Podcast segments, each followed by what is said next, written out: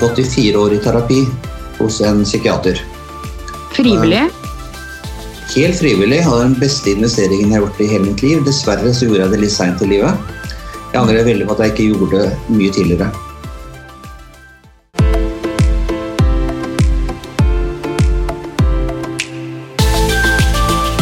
I denne episoden har jeg med meg min tidligere kollega fra akuttpsykiatrien, Fred Heggen. Han er overlege i psykiatri og jobber på Furukollen psykiatriske senter og Gaustad sykehus. I tillegg skriver han artikler for Nettavisen fra en psykiaters perspektiv. Fred kommer til å gjeste flere ganger, da psykisk helse er noe jeg brenner for og ønsker å belyse med han. Så hvis du som lytter har noen ønsker til tema fremover, så kan du kontakte meg på Instagram eller Facebook. Temaet for denne episoden er mental helse. Vi er innom flere aktuelle temaer med korona i spissen. Hvordan påvirker denne pandemitiden oss psykisk, og hvordan kan man best mulig ta vare på sin egen mentale helse?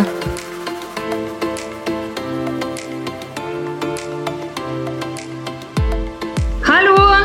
Hallo, hallo! Hvordan går det med deg i disse dager, egentlig? Jo, jeg føler det går sånn marginalt, så holder meg akkurat flytende, føler jeg. Ja, hvordan da? Det er litt sånn, Kjenner du at jeg svetter litt, litt grann snørr, litt grann sånn, ikke sant? Mm, du er redd for at du har korona? Det er det? Nei, det tror jeg ikke at jeg har, men jeg er bare selvfølgelig redd for å få det. Mm, det tror jeg vi alle er. Men er du i jobb eh, eh, som vanlig nå? Ja. Jeg jobber både på Gaustad og på Furukollen, Å ja, Så- du gjør det. så jeg har ganske travle dager, da. Ja. Nei, jeg vet jo at du jobber der, men jeg visste ikke at du jobba fullt ut fortsatt. Jo da, jeg gjør det. Ja. Og du, da? Nei, jeg er jo i mammapermisjon, da, men jeg kjenner jo at denne situasjonen gjør meg litt eh, redd til å eh, søke jobber og Eller å søke, det, det klarer jeg å få gjort, men eh, om jeg får god respons på søknadene mine, det er jo litt eh, verre, tenker jeg da. Ja, Du kan bare bruke meg som referanse. vet du. Det sa, du, sa jeg, ikke sant? Ja, ja, ja. I know. Det er. Det var hyggelig når vi var kollegaer. Absolutt. Ja, men uh, hvordan er det du uh, merker at dette kanskje preger pasientene du møter på hver dag nå? Det vil jo prege dem uh, eh, sånn rent praktisk. eh, Fordi de verken får ta imot besøk eller, Mm. får, eller, eller får permisjoner. Og de Mm. må hele tiden, når de skal ut, så må de gå sammen i følge med personalet. Ja. Og sånn er det Hvor lenge kommer det til å være sånn? Så lenge Så lenge denne krisen er, og det virker jo nesten som det bare blir strengere og strengere. Ja, syns du tiltakene er gode? De kommer litt seint, syns jeg. Hvis de først skal gjøre det på den måten som de gjør nå, ved at de skal forsøke å ta knekken på viruset, så burde de ha starta med dette mye før. Ja, det er jeg helt enig i. Eh, Men eh, jeg syns eh, det er veldig mange som reagerer dårlig på de tiltakene som har kommet, og det skjønner ikke jeg. Jeg blir veldig provosert av det. Fordi det er sånn Å, buhu, nå får ikke jeg dratt på hytta, men herregud, vi, det burde jo vært enda strengere, syns jeg. Jeg syns jo ikke at skolen skal åpne en gang før sommeren. Nei.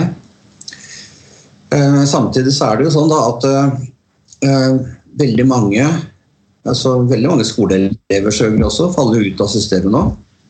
Ja. Eh, og, og veldig mange har jo veldig godt av å være på skolen.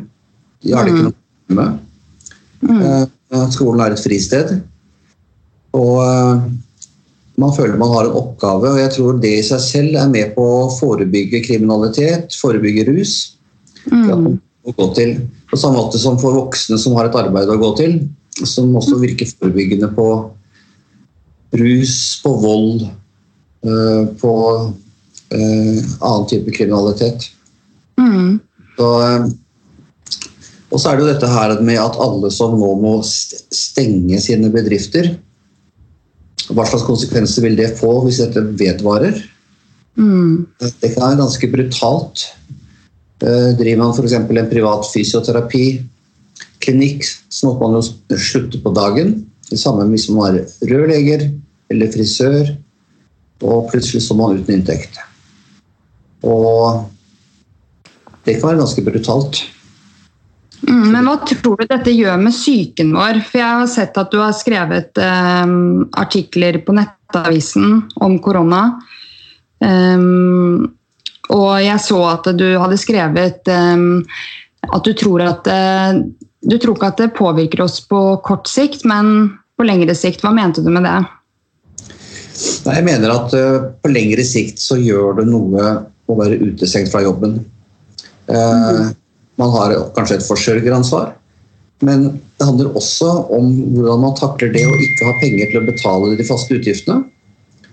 Og jeg tenker også det at uh, den stønaden som man har blitt lovet som selvstendig næringsdrivende, hvor man da skal få støtte etter, på dag 17, mm. at det kan bli i, seneste laget og i minste laget.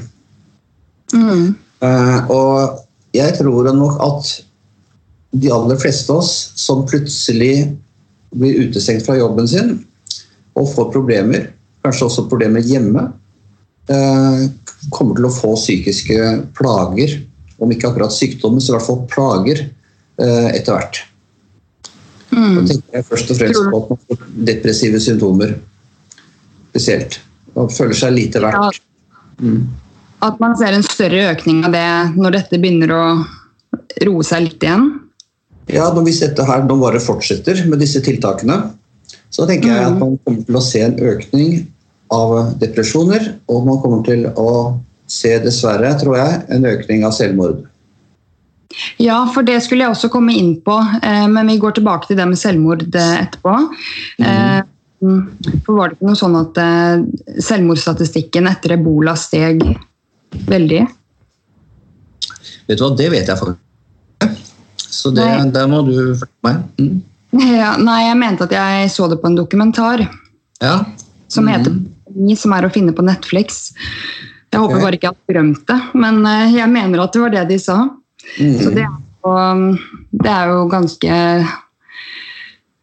ja, viktig å få med, da. At, um, å vite at det kan skje. Mm.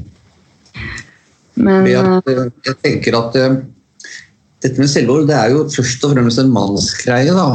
Det er jo langt flere menn enn kvinner som tar sitt liv. Mm. Og jeg tenker at dette her kan gjøre noe med den mannen Hva skal jeg si for noe? Hvordan en mann ser på seg selv. Det at man plutselig da eh, kommer i et økonomisk uføre. Mm. Og at man ikke på en måte føler seg som noe forbilde eller rollemodell for sine barn eller at man er noe test overfor sin kone. Eh, det i seg selv bør jo ikke bety noe, men jeg tenker over tid så er jeg redd for at, eh, at det er mange som får mørke tanker. Mm. Men de tiltakene som er iverksatt, eh, hva er alternativet da, hvis dette her kan føre til det ene og det andre? Nei, altså det er vel altså Et alternativ ville være å sørge for at folk klarer å betale regningene sine. Uh, og da må man inn og støtte økonomisk på en helt annen måte enn det det er lagt opp til i dag. Okay. Uh, det, er, det er en kjensgjerning at har man økonomiske problemer, så fungerer man veldig dårlig psykisk. Man fungerer veldig dårlig når det gjelder å ta vare på sin fysiske helse. Mm. Og eh, det er noe med at hvis man ikke klarer å betale regningene sine, så hjelper det lite å gå i terapi. Det er sant. Hm. Men hvordan kan man unngå panikk i denne situasjonen her? Ja, man kan unngå panikk. Det gjelder jo veldig mange, mange det, er, det, er, veldig mange aktører eh, som er med i, i denne koronatilstanden Eh, som vi er inne i. Og jeg vil si at Media har et veldig stort ansvar på at vi ikke skal gå inn i paniske tilstander. Mm. Eh, det er klart det Hvis man i dag fortsetter å lese nettaviser som man gjør, mm. og ser på nyheter, så får man inntrykk av at vi står overfor en, eh, en verdensomspennende katastrofe. Og jeg personlig føler vel ikke at dette er en katastrofe men det er en alvorlig eh, pandemi. Mm. Men ikke så alvorlig som vi tidligere har opplevd i verden. Nei, som spanskesyken, f.eks. Ja, og svartedauden, Mm. som også varte i noen hundre år. Så, eh, så det er eh, så, Sånn sett så syns jeg vel dette ligger an til kunne, at vi vil kunne tåle dette. Altså at menneskeheten vil kunne tåle denne pandemien. Det er tross alt lavere dødelighet enn når det er en influensaepidemi. Mm. Men eh, det er rart at vi ikke har sett dette komme, egentlig. Eller i hvert fall eh, at ikke vi var bedre forberedt. Fordi den eh, Netflix-serien som heter 'Pandemi', der har jo de forskerne egentlig sett at dette kommer, og at det vil komme ganske raskt. Men vi vet bare ikke når. Og så starter tiåret med dette utbruddet, da. Mhm. Den serien høres jo veldig spennende ut. An- Anbefaler du den? eller? Ja, veldig. Alle bør se den. Ut ifra den situasjonen vi er i nå. Men det som er rart, men også litt fint, er jo at eh, nå er jo hele verden egentlig i samme situasjon. Nå er det egentlig samme eh, hvem som er rike, hvem som er fattig på mange måter. Da. Kanskje ikke når det kommer til om du har spart opp noe med tanke på den økonomiske krisen, men eh, du ser nå at vi er egentlig bare i samme båt og helt like alle mennesker, egentlig. Mm. Ja da, og vi er oss selv nærmest. Mm. Og jeg tenker at du spør hvorfor har vi ikke gjort, eh, satt i verk tiltak tidligere? Mm. For man har jo blitt advart. Og jeg tenker at det er fordi man har vært opptatt av denne globaliseringen. Mm. Altså Man skal ha bort, ha bort grenser, og man skal på en måte kunne eh, samarbeide på kryss og tvers av grenser, og det skal være folkeforflytninger. og eh, Man har hatt fokus på det. Og så siste så har det også kommet denne klimasaken, har overskygget absolutt alt. Og det er ganske interessant å legge merke til at med en gang koronaviruset ble en pandemi, så er det ingen lenger som snakker om klima. Har du tenkt på det? Ja, ja, jeg har det. Og hvis alle hadde gjort tiltakene som verden gjør i dag, med miljøet eh, Vi ser jo hvor fort egentlig verden kan settes i sving og gjøre nye ting og tiltak for at eh, ting skal bli bedre. Men akkurat nå så, så er miljøet litt nedprioritert. Men hvis du skjønte hva jeg mente? At eh, Ja eh, ja. Vi har absolutt potensial til å gjøre endringer hvis vi bestemmer oss for det. ja. Men jeg- Men jeg tenker det som kommer nå, det kan være Hvis dette vedvarer, så kan dette være en, en verdensomspennende fattigdom. Og Mm. også i land som Norge, som ikke er vant til dette. Og så jeg tenker at Fokuset fremover kommer nok til å bli nå fattigdomsbekjempelse og få i gang næringsliv igjen. Mm. For Det kan være ligge med brukket rygg eh, hvis denne krisen her får lov til å fortsette i månedsvis. Mm. De jeg tenker mye på om dagen, det er eh, de som har andre sykdommer som kanskje blir nedprioritert fordi korona har eh, tatt helt over på sykehusene. Og, eh, og de barna som er hjemme med foreldre som ikke kanskje ja, er helt optimale foreldre. Eh, så jeg kjenner at på den måten blir jeg veldig preget av eh, denne koronatiden. For jeg har det jo egentlig bra fordi jeg er med samboeren min og sønnen min. Men, men jeg blir lei meg uansett av å se og høre om de som ikke har det bra. Så det gjør noe skikkelig med meg, i hvert fall. Ja, Er det sånn at du ligger våken om netten og tenker på dette, eller er det Nei, men Hvis jeg ser på en nyhetssending eller eh, ser på Instagram at folk legger ut eh, numre man kan ringe hvis man vet om barn ikke er med foreldre som er helt Så, så blir jeg lei meg selv om jeg sitter og egentlig har en fin stund med sønnen min og samboeren min. Eh, jeg kjenner det hele kroppen at det, det preger dagen min. Så Ja, og det er nok, da, husk på det at når du eller jeg føler noen ting, så må vi huske på at da er det alltid veldig mange andre som føler det samme. mm? Og som du sier, du har kanskje en fordel av at du har det bra og trygt eh, sånn personlig i ditt personlige liv, men det er jo ikke alle som har det heller. Nei, og det er nettopp det. Fordi jeg, jeg, jeg tenker ikke 'stakkars meg', selv om jeg på en måte ikke er i trygg eh, eh, situasjon når det kommer til jobb når jeg er ferdig i permisjon. Men eh, det er jo ingenting i forhold til hva mange andre sliter med. Og det er det som preger meg, da. Og man reagerer veldig forskjellig i denne tiden her. Jeg tror alle har en viss reaksjon, eh, bare på veldig ulikt nivå. Hvordan reagerer du på dette, som overlege i psykiatrien og, og som uh, vanlig person, da? Jo, altså jeg eh, Jeg er liksom litt ambivalent, jeg, da. Altså, jeg er på en måte veldig tilhenger av at vi skal gjøre dette ordentlig nå. Og samtidig er jeg litt, litt sånn skeptisk til om, om tiltakene vi setter i gang er mer skadelige enn selve pandemien på lengre Mm. sikt. Eh, Det er det at ingen har noe oversikt over da, så langt. Men det er klart hvis økonomien går fortsetter å være en krise over tid, og det utgjør seg fattigdom, så kommer det til å prege oss alle sammen. Mm. Og, og, og, og prege samfunnet vårt. Og, og de mulighetene vi vil få fremover. Så, så jeg er også litt skeptisk da, til at vi stenger ned samfunnet sånn som vi gjør nå. Jeg må innrømme det. Ja. Men jeg, jeg har ikke noen alternativer, ikke sant? så det er bare Nei, det er akkurat det. Så tiden vil jo vise. mm. Hadde du sett for deg at du skulle oppleve en sånn her eh, pandemi i din eh, levetid, holdt jeg på å si? Ja da, vi, har jo hatt, vi hadde jo den derre SARS-epidemien. da, Den gikk jo ganske fort over. Der ble jo pasientene meget syke. Så Mm. Der var det vanskelig å gå rundt som smittebærere. Man ble så fort alvorlig syk. Så den, den, den eh, brant jo på en måte ut. Og så hadde vi svineinfluensaepidemien for noen år Ja. siden. Det er veldig godt. Ja. Og, øh, men likevel, jeg har vanskelig for å se, se for meg at, øh, at jeg skulle oppleve en, en så hva skal jeg si for noe, samfunnsomveltende øh, pandemi da, som, som, øh, som det er i dag. Det hadde jeg nok ikke sett for meg. Altså.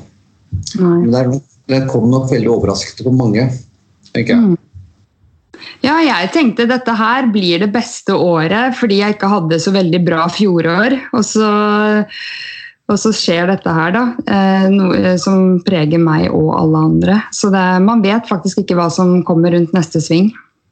Nei, man, man gjør ikke det. Og jeg tenker jo at når man opplever noe sånt, så blir man påminnet at, at eh, et menneskeliv er jo ganske skjøre greier. Mm.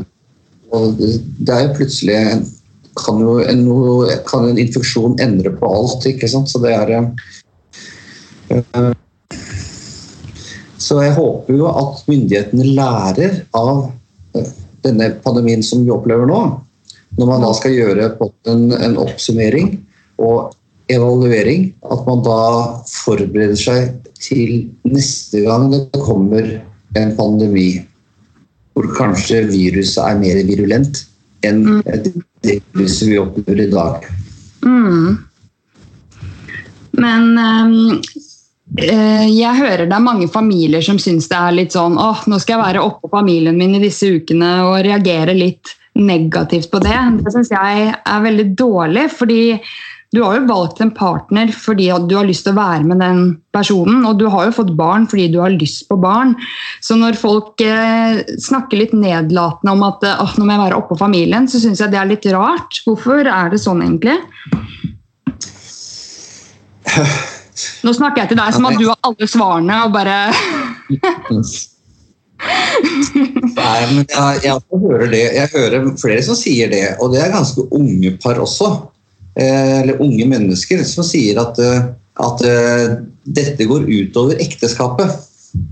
Og da tenker jeg, jeg blir også litt overrasket, for jeg tenker liksom unge mennesker som kanskje ikke har vært gift så lenge, bør jo fortsatt ha en viss eh, romanse, da. Eller, Men så er det vel Den kommer nok ganske fort på veldig mange. Og eh, jeg tror mange ikke tåler å være for tett på hverandre. Man snakker jo om at dette her kommer til å forårsake en babyboom og en skilsmisseboom. Oi. Ja, at noen på en måte reagerer med «Woohoo, da skal vi lage barn! Mens andre bare blir helt kvalme av å se på hverandre og skiller seg.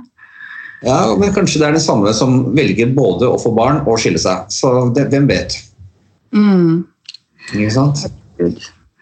Men hvordan kan man komme ut av dette her med best mulig mental helse? Det er et veldig stort spørsmål, men det er jo viktig å snakke om det. Mm. Det er kjempeviktig. Og jeg tenker at man må for det første ikke få panikk. Og øh, jeg tenker man bør også tilpasse øh, dette med nyhets... Øh, altså hvor, hvor, mye nyheter man får med seg. Hvor aktivt man, man er på nett, f.eks. For. Fordi at Hvis man blir mer stressa av å se på nyheter, så bør man kanskje la det være. Jeg tenker at man bør veldig viktig å prioritere sin fysiske helsetilstand. At man mm. uh, er ute på turer uh, og får frisk luft og får nok lys. Og jeg tenker det er viktig å, å følge rutinene sine, selv om man er mm. hjemmeværende. Mm. At man står opp om morgenen og at man går, og, enten går, går seg en tur, men uansett hopper i dusjen, tar på seg vanlige klær og på en måte har oppgaver da, som man gjør i løpet av en dag. Jeg tenker Det er veldig veldig viktig. Ja, jeg er helt enig. Fysisk aktivitet er jo pri én, um, ja. syns jeg. for alle. Det er også veldig viktig jeg, at man er litt aktiv selv. At man tar opp den telefonen, og så ringer man til gamle venner og ringer til bekjente. Bare for å slå av en liten prat. Jeg tenker mm. Det der med å, å, kunne ha kontakt med omverdenen, altså være litt sosial, det også, har også en veldig god forebyggende effekt. Mm. Psykiske plager. For dette er jo også en tid hvor man har muligheten til å være litt mer kreativ. Kanskje tenke litt nytt. Hva har jeg lyst til å gjøre annerledes når dette går over? Mm. Trives jeg egentlig i den jobben jeg er i nå, eller skal jeg si opp i denne tiden her? Jeg vet ikke om det er så lurt, da, men at man prøver å tenke hele tiden ok, hvordan har jeg lyst til å leve etter dette her? Fordi nå har man jo tiden til å eh, nå, nå, står jo på en måte tiden litt stille til at du egentlig kan få lest en bok og pusta dypt med magen. da. Mm. Og Det er viktig tenker jeg, at man, at man benytter denne tiden til sånne ting også. Og at man ikke bare går og sturer og, og, og tenker katastrofetanker hele tiden. Mm. Jeg tenker Det er viktig å kanskje som du sier, gå litt inn i seg selv. Kanskje lese litt bøker igjen, for det har jo folk slutta å gjøre. Så, så det, eller se en serie, kose seg litt. Mm. Og, det er akkurat det, men jeg, jeg kjenner at det svinger veldig. fordi jeg, kan, jeg, starter alltid dagen med å trene uansett hvilket humør jeg er i. Det, det klarer jeg å gjøre. Men, øh, men, så kan det variere utover dagen om jeg eh, ja, får litt øh, panikk, som du har skrevet om også, da. Men det er i forhold til jobb igjen, da. Eh, at det kan komme litt tanker som går imot meg, og så andre dager så kan det være veldig lyst. Og dette her er en tid for at jeg skal eh, finne ut av ting. Og så går det ned igjen. Men det er vel kanskje normalt? Det er helt normalt. Eh, det er klart. Vi, vi har jo med oss gode og dårlige erfaringer ikke sant? i disse tidene. Det er klart, mm. Hvis du har hatt noen dårlige erfaringer nå i forbindelse med jobb, så er det klart det vil sikkert prege deg når du tenker fremover. Men bare så det er sagt, jeg tror ikke det blir noe problem å få deg jobb, Tina. Nei, jeg tror ikke det, jeg heller innerst inne. Men eh, du vet jo at jeg hadde dårlig erfaring med dårlig ledelse i fjor. Mm. Eh, så, så det, det, har preget meg veldig, og min syke. Mm. Og Det er ganske interessant. Det kunne vi ha snakket sammen om en annen, en annen gang, kanskje. En eget, en eget podkast på akkurat det der. Fordi, Absolutt. Du skal få gjeste flere ganger. ja, men Det er veldig interessant det du sier der. For jeg har en følelse av at det er flere som opplever det på samme måten. At møtes man av dårlig ledelse, og man på en måte avfeies, eh, så setter det faktisk et veldig et, et, et, kan sette et alvorlig preg på personen som mm. opplever det. Eh, ja. Lenge og ta, fjerne veldig mye selvtillit, altså, som, sant, som, er ganske, ganske, rart, egentlig. Men eh, jeg tror vi mennesker kanskje er sånn. Ja. men det er helt som du sier, at eh, jeg har egentlig veldig god selvtillit når det kommer til jobb. Um, for jeg vet at jeg brenner for det yrket jeg velger å ha. Men uh, når man blir på en måte avvist av en leder eller Eh, dårlig ledelse. Da. Så det har virkelig satt sine spor, så det er derfor det svinger veldig for min del. Ja. Eh, jeg har fått litt sånn nesten litt angst for å eh, i, neste, i, min neste jobb, da, hvis jeg skal velge å gå til en eh, ny type jobb og ikke starte for meg selv, f.eks. Det er mange ganger jeg tenker det, og står fast ved det fordi jeg tenker det beste er å være min egen sjef. Og den drømmen har jeg egentlig hatt siden jeg var liten, men jeg vil jo også være omringet av masse fine kollegaer. Eh, men jeg har fått eh, virkelig en knekk etter det jeg opplevde i fjor, altså. Men ikke sant, og Da har jo du på en måte veldig gode forutsetninger for å forstå de menneskene som slet psykisk før denne krisen kom. Hvordan, mm. hvordan, de har det nå, eller hvordan de kan ha det. At man kanskje er enda mer sånn sårbar da, i forhold til eh, de tingene som skjer. Og, og Ikke sant? Og der, men samtidig så har du igjen en fordel. Da. Du har en mann du er glad i, du har et barn. ikke sant? du er i god form, du er ung, så du, har, du, har, du, er kanskje ikke så sårbar som de som kanskje er aleine. Nei, og det er nettopp det. Eh, jeg er kjempetakknemlig for det. Men de som sitter alene i denne situasjonen, er det de du tenker eh, det eventuelt eh, blir større selvmordsrisiko eh, for? Ikke nødvendigvis, dessverre. Jeg er nok veldig redd for at, at men altså en mann som godt, kan godt være samboer eller gift, og, og, og, ta dette fryktelig tungt. Mm. Dette med å miste jobb og, og, ikke kan betale regninger og ikke kan være forsørger. Eh, så det kan godt være da en mann som er i et parforhold, har en familie. Eh, selvfølgelig kvinner også, men, men som sagt, det er jo flest menn som begår selvmord. Ja, det er det. I 2018 så var det jo 671 mennesker som tok livet sitt. Det er jo kjempehøyt. Mm. Eh, flest av. Men eh, hvorfor har Norge så høy selvmordsstatistikk, tror du? Nei, Jeg har ikke noe godt svar på det. altså. Det er, eh, vi er jo, dette er jo et godt land å leve i. Altså et, et land det er godt å leve i. Og, eh, og jeg jeg syns det er litt vanskelig å forstå mange ganger. Jeg må innrømme det. Men, mm. For jeg har gjort meg noen tanker når det kommer til uh, hvorfor menn eh, kanskje oftere tar livet sitt. Da. Mm. Uh, jeg kjenner jo en som tok livet sitt for tre år siden. En veldig nær familiemedlem. men jeg føler at det handler om at dere er litt dårligere på å snakke om følelser enn det vi jenter er. Ligger det noe i det, tror du? Uh, det tror jeg helt sikkert. Det tror jeg helt sikkert. Altså, men menn er ikke, så, er, er ikke, så, flinke til å prate om, om, disse tingene. Og man er kanskje også vanskelig for å innrømme og for andre at man sliter. At det er noe umandig over det. Uh, og at, man, at, det er et tegn på svakhet. Å skulle på en måte ha tanker og, og følelser som, som, ikke helt passer. Mm. Men det er klart, det å altså, fratas ære, uh, det er nok også med på dette. Altså. At man mm. føler man blir fratatt ære, at man, at man sitter igjen med skam. Mm. Uh, at man da plutselig kan ta et feil valg fordi fordi uh, dette, er, dette, kan jeg ikke leve med, rett og slett.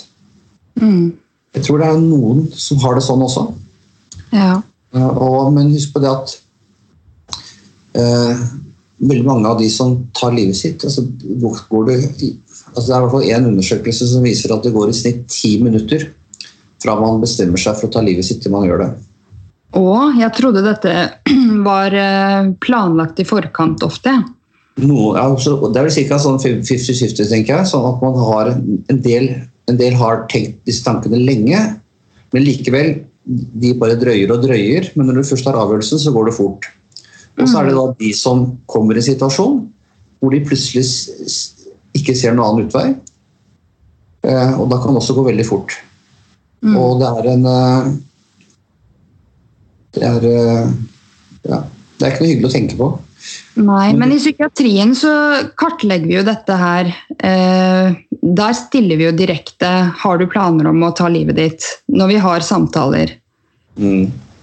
Men eh, hvis du kjenner eh, hvis, hvis det er venner det er snakk om, eller familie eh, Du går jo ikke og stiller de spørsmål har du planer om å ta livet ditt, men plutselig så har jo det skjedd innen familie eller parforhold. og eh, Hvordan kan man prøve å kartlegge det hvis, eh, hvis det ikke er eh, folk som er innlagt, da, men folk som står deg nær, og som du kanskje lurer på om sliter. Men ja, det er tryggere å spørre når du er på jobb og til pasientene, men ikke direkte til kanskje en venn, da. Jo, men jeg tenker jo det at eh, altså først Vi bruker jo en del sånne kartleggingsverktøy på sånne skjemaer på, på sykehuset. ikke sant? Mm. Og Man forsøker å kartlegge risikofaktorer. Det har man gjort det i noen år nå. For ja. å da kunne predikere om det er høy eller lav risiko selvmord. Så viser det seg da ved en evaluering av disse skjemaene at de klarer ikke å predikere så vi klarer ikke å predikere hvem som tar livet sitt eller ikke. Så det er liksom, vi er nesten eh, på stedet hvil. Også. Det er uh, veldig trist. Men det jeg tenker på er jo, som du snakker om i det private, så er det så er det, det er jo faktisk å være litt direkte. Jeg mm. tror heller at eh, Jeg vet ikke hvordan du hadde følt det hvis noen hadde spurt deg Tina, har du det så vanskelig nå at du vurderer å ta livet ditt. Ville du bli såret da, eller hvis noen spurt Fred, syns du det er trist å være deg nå, og har du liksom planlagt å ta livet ditt? Så hun spurt meg, Anne, så, så jeg ville kanskje blitt overrasket. Ja. Men jeg ville ikke blitt uh, såret eller skuffet eller uh, provosert. Jeg ville heller kanskje fått en tanke liksom, har jeg, har jeg tenkt på det? Ja, ikke sant. Og det, det, tror jeg også, men jeg tenker at jeg kanskje ville såret noen hvis jeg hadde spurt dem. Eh, men jeg vet selv at jeg kanskje hadde blitt overrasket, som du sier, eh, og begynt å tenke hm, har jeg egentlig det? Eh, men så klart, når man opplever kriser i livet, enten det er jobb eller andre ting, så kan man få veldig mørke tanker, og det skal jeg ikke legge skjul på at jeg har hatt. Uten å gå mer inn på det, men mørke tanker kan jo være mye, det. Men hadde noen spurt meg da, så, så Jeg vet ikke. Mm. Fordi kriser kan uh, virkelig ta over uh, ja, hvordan du ser på ditt eget liv. Mm. Jeg, har jo, jeg, jo, jeg er jo leder av fagrådet til Mental Helse sin hjelpetelefon. Å, ja. Og da har jeg blitt kjent med, med hjelpetelefonen til mental mm. helse. Og hva de forteller med den enorme pågangen de har hvert eneste døgn av folk som har mørke tanker, som kanskje ikke orker å leve lenger, så da begynner man å skjønne at dette er et stort problem. Altså. Mm. Og, og så, er det, så, det, er mange som har det sånn. Mm. Men vi ser oss rundt og vi ser på Facebook, og der virker alle så fornøyde. Det er akkurat det. Ikke sant? Og, eh, men Folk er jo ikke det. Folk sliter, og folk uh, har det tøft. Og man gir ikke opp. Mm. De fleste av oss gjør jo ikke det. Nei, heldigvis. Men man tenker jo, i og med at du er overlege i psykiatri, eh, så, så vet du oppskriften på hvordan man tar vare på sin mentale helse. Det, klarer du å implementere det i ditt eget liv? Jeg må jo jobbe med det. Jeg må jobbe med det. Eh, og jeg må jobbe med det å holde meg fysisk aktiv. Mm. Eh, jeg må jobbe med det å ha struktur i helger, i ferier. Og jeg må mm. jobbe med meg selv for å kunne ha, være sosial på fritiden. Eh, mm. Alltid jeg orker å ta opp den telefonen og ringe, selv om jeg kanskje hadde gjort meg veldig godt å gjøre det. Mm. Og så det er forskjell på liv og lære. Og, og, ja, i teorien så vet jeg jo det, men hvordan jeg skal ta vare på min psykiske helsetilstand. Men i praksis så kan det nok være vanskeligere. Ja.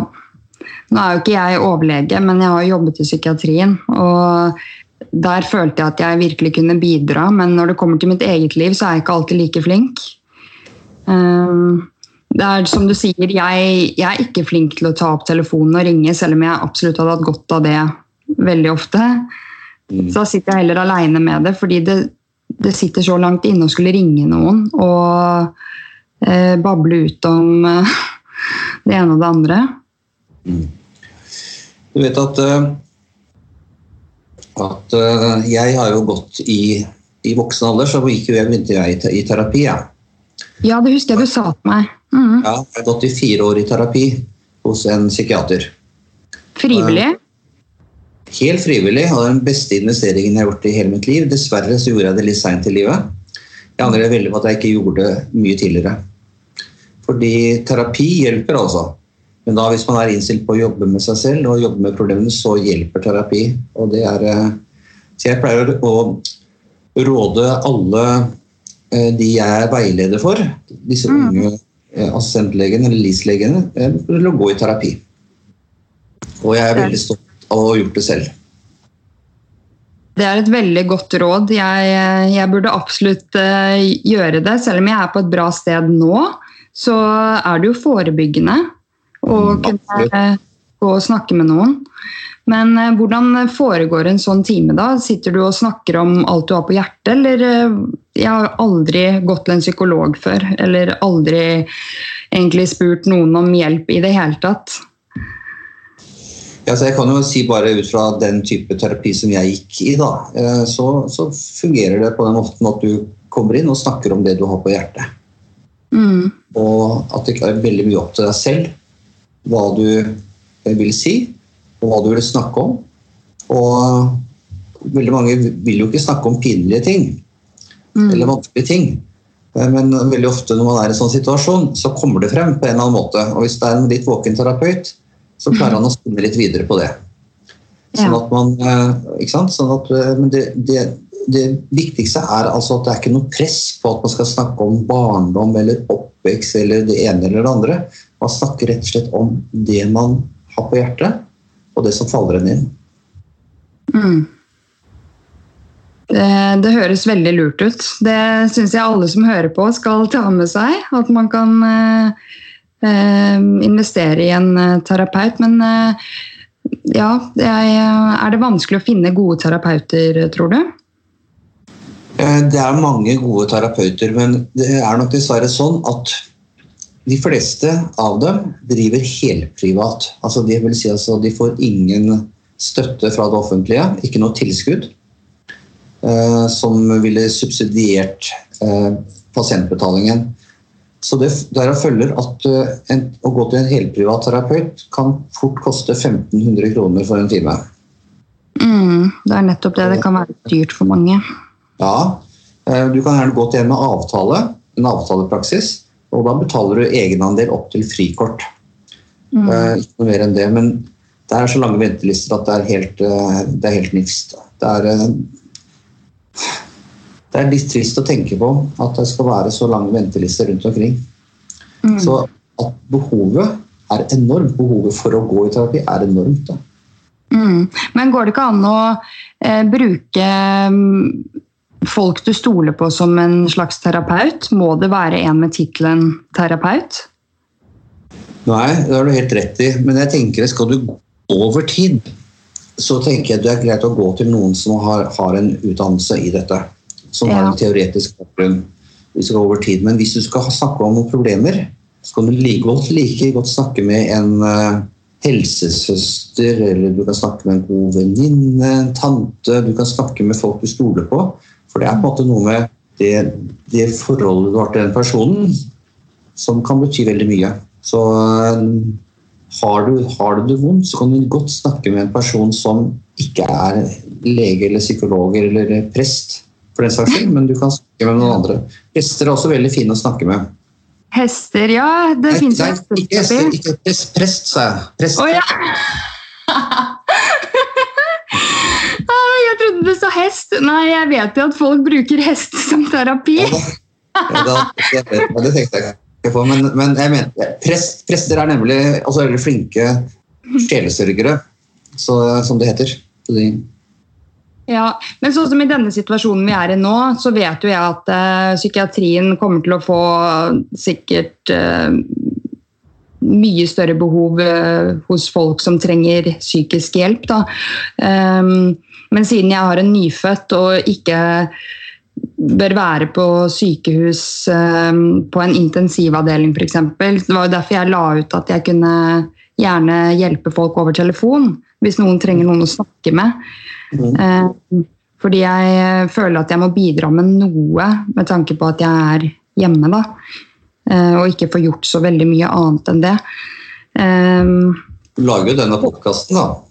Ja, jeg lager jo denne podkasten, eh, og jeg har lyst til å ha med mer psykiatri. For dere som ikke vet det, så skulle egentlig jeg og Fred lage en podkast sammen. Psykiatripodkast. Så send meg en melding hvis dere syns vi skal fortsatt gjøre det. Men du har så mye å gjøre, Fred. Mm, ja da. Men eh, jeg tenker jo litt på det fortsatt. Jeg har jo vært med på podkasten til Mental Helse. Ja. Oddvar Stenstrøm. Mm -hmm.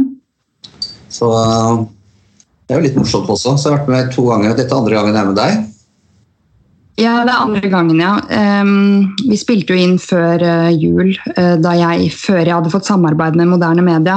Jeg trodde jeg skulle starte hjemmefra, men så fikk jeg dette samarbeidet, og da spiller vi inn på nytt. Ja, så takk for at du stiller opp igjen. så får du komme i studio en annen dag, da, når uh, det har roet seg.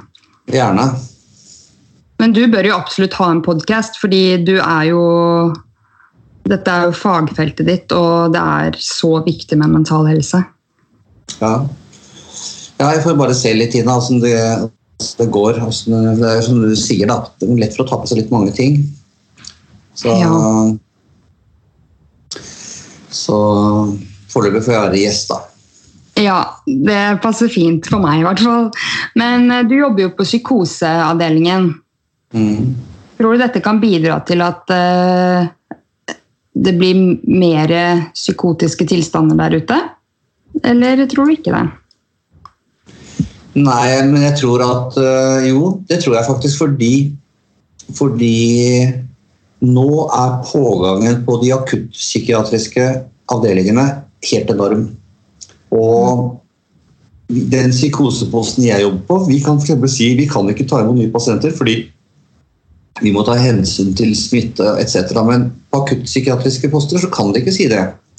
Nei. Vi må ta imot alle. Og, og, det betyr også at folk blir skrevet ut mye tidligere enn ellers. Og får da anledning til å bli enda sykere enn hva det ville blitt hvis de hadde fått lang nok tid inne på avdelingen. Mm. Det er dessverre den, den, veien det går.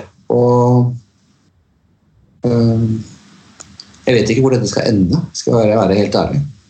Nei. Hm. Men for de som ikke vet eh, hvordan eh, psykose oppstår, kan ikke du bare forklare litt kort hvordan det oppstår? Eller kan oppstå, det er jo veldig forskjellig. Ja, altså Det kan jo oppstå hos oss alle hvis påkjenningene vi utsettes for, blir store nok. Mm. Eh, det er viktig å huske på. Eh, og det handler veldig mye om sårbarhet for psykose. Uh, har man en sårbarhet for psykose, så uh, behøver det ikke være Eller det kan være større eller mindre påkjenninger. Uh, livssituasjoner som gjør at det blir en slags Hva skal jeg si for noe? det blir en liten forstyrrelse da, i hjernen som gjør at man ikke lenger klarer å prosessere eh, de, de inntrykkene man hele tiden bombarderes med. Og mm. klare å plassere de på riktige steder i hjernen. Da, som vi gjør. Så Hjernen vår er en veldig, meget avansert datamaskin som tar inn inntrykk uh, hele tiden og plasserer dem på riktige steder. Sammen mm. med minner, sammen med tidligere erfaringer, man har drømmer et sted. Uh, det, så det er veldig komplisert. Men hvis, dette, hvis, det blir en ubalanse i dette systemet, så kan man få en psykose. Mm. Tror man kan forklare det på den måten. Ja, bra kort forklart. Jeg var redd jeg skulle bli psykotisk rett etter fødsel, faktisk. Fordi det var så lite søvn de to første ukene. Okay. Så um, da kjente jeg at uh, jeg sa det til samboeren min at eh, jeg føler nesten at jeg er på vei til å bli psykotisk. Men jeg vet jo at noen kan gå inn i fødselspsykose. altså Så ille var det ikke. Men um, man kan nesten føle det med lite søvn, for jeg er avhengig av veldig mye søvn for å fungere og for å være et godt menneske. Så hvis ikke det er på plass, så, så blir jeg en helt annen person. Mm. Ja, det, jo, det, må du huske på neste gang du eventuelt skal ha barn. Da, at, eh, at du prøver ordne dere med litt hjelp.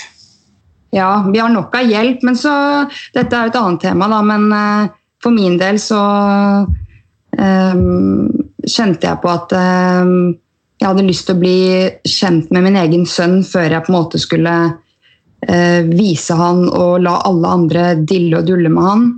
Um, så hjelp har jeg absolutt, men det er litt det å på en måte være litt for seg selv også etter fødsel, uh, som er viktig for min del. Har det noe med selvbildet å gjøre, kanskje? Tror du veldig mange mødre føler det? At uh, dette må jeg fikse? Eh, nei, jeg tror egentlig ikke det handler om det, men eh, livet endra seg så utrolig fort på bare et døgn. da. Først var det bare meg og samboeren min, og plutselig så har du et lite menneske du skal ta vare på. Og trenger full oppmerksomhet. og eh, jeg hadde kjempeunderskudd på søvn, og det da å skulle få masse besøk og de tingene der, det funker ikke for meg. Um, men det er et eget kapittel som jeg kan snakke om en annen gang. Det er mye å egentlig snakke om der. Mm. Um, men uh, over til det med selvmord igjen. Er det um, Hvordan kan man forhindre at det blir så høyt tall? Ja, dere som kunne gitt deg svar på det, Tina, det, den ville kanskje fått en eller annen pris. Fordi Men jeg tenker at uh, det er utrolig viktig å styrke psykiatrien på alle områder av psykiatrien. Men også helt ned på, ja, på skolenivå. Mm. Uh, og, og, sørge for at unge mennesker får, har, en mulighet, har et sted å henvende seg når de får mørke tanker. Og så jeg tenker tilgjengelighet er et veldig viktig begrep her. Tilgjengelig, altså at, at, at tjenester, helsetjenester, eh, støttefunksjoner er tilgjengelige når man har behov for det. Det koster mm. penger. Og da kan man ikke fortsette å bygge ned og bygge ned, sånn som vi har gjort i Norge i mange tiår. Fordi eh, fordi det kommer til å gå utover de svakeste. Mm, men eh, jeg syns det er så rart at ikke mental helse er en del av undervisningen fra barneskolen og oppover. Og jeg vet jo at behovet ligger der. Eh, og jeg skal være ærlig og si at jeg har prøvd å lage min egen type stilling og sendt litt søknader til ulike ungdomsskoler der ute. Ja. Eh, og spurt om eh, de har behov for en miljøterapeut, en som på en måte kan eh, bidra med samtaleterapi da, og fysisk aktivitet og de tingene der. Um, og jeg får god respons, men så står det liksom på slutten at uh, vi har ikke behov for denne type stilling. Men så vet jeg egentlig at behovet for en som kan ta de samtalene, er der. Og helsesøstre er der jo bare, eller helsesykepleiere er jo bare på skolen gjerne to ganger i uka. Um, så jeg lurer på om det ligger egentlig økonomi bak det svaret der. Det tror jeg absolutt det gjør. Jeg syns det er et veldig, veldig god tanke du har der. Det eneste jeg bare tenker er at Hvis du skulle gå inn i en sånn type stilling, så bør du ha noen bak deg som kan være, være en slags eh, støttespiller for deg. En sparringspartner og noen som du kan på en måte få ut. For du kommer da til å oppleve veldig mange tøffe ting. Og at det er veldig greit for at du ikke står helt alene, tenker jeg da. Mm. Ja. Eller det gjelder jo ikke bare for deg, men enhver som har en sånn type stilling, bør ha noen som man kan da liksom rådføre seg med eller spare med. da.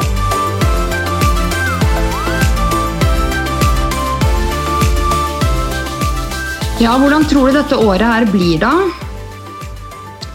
For eh, folk. Du, ja, tror du at vi kommer eh, ut av dette her, eh, de fleste av oss, med, med en god mental helse til syvende og sist, eller tror du dette året kommer til å være historie på et større nivå enn bare korona? Det ser jo ut som dette kommer til å vare en stund. Mm. Og Derfor tror jeg også at 2020 kommer til å bli det året hvor verden endret seg. På mange mm. måter. Og eh, både godt og vondt. Og kanskje vi ble mer bevisstgjort alle sammen. Eh, men eh, hvem vet? Jeg, kan, jeg, tør ikke å spå om hvordan vi kommer ut, om vi lander på beina eller om vi rett og slett vil ligge og kave etterpå. Det, mm. det er godt å si.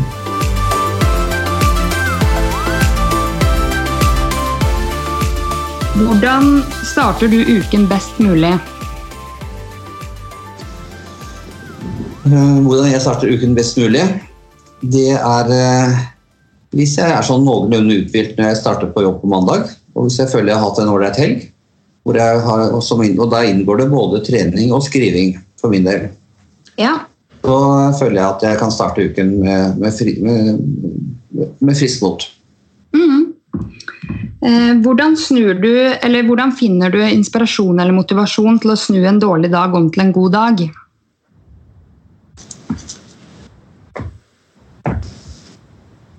Nei, altså Den inspirasjonen der, den, eh, den eh, kan være vrien å finne mange ganger. Men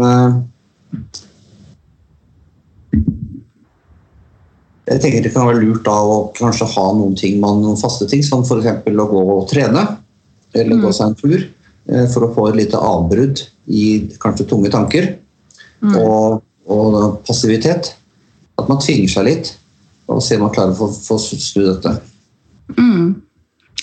Hva er du takknemlig for? Jeg er takknemlig for uh, mye. Jeg er takknemlig for uh, uh, livet, for at jeg har fått barn. Eh, for at jeg var så smart å komme over i psykiatrien. Mm. Eh, jeg var jo tidligere fastlege. Mm. Eh, jeg er takknemlig for de sjansene jeg har fått innen psykiatrien, som jeg har tatt vare på. Og jeg føler jeg har vært veldig heldig der. Jeg er også takknemlig for at jeg har mange gode venner. Og at jeg jobber på et fint sted nå hvor jeg trives godt. Så det er mange ting. Mm. Man eh, skal være takknemlig. Det er veldig, et veldig stort spørsmål du stiller der. Så. Alle mine spørsmål er store. Ja. Og siste spørsmål. Hva inspirerer deg? Det som inspirerer meg Ja Hva inspirerer meg?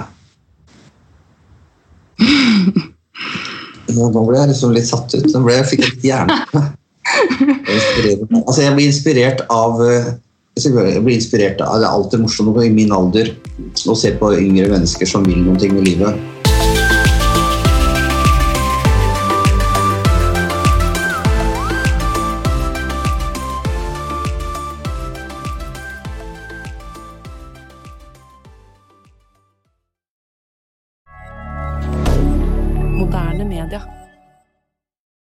Har du et enkeltpersonforetak eller en liten bedrift? Da er du sikkert lei av å høre meg snakke om hvor enkelt det er med kvitteringer og bilag i fiken, så vi eh, gir oss her, vi. Fordi vi liker enkelt. Fiken superenkelt regnskap.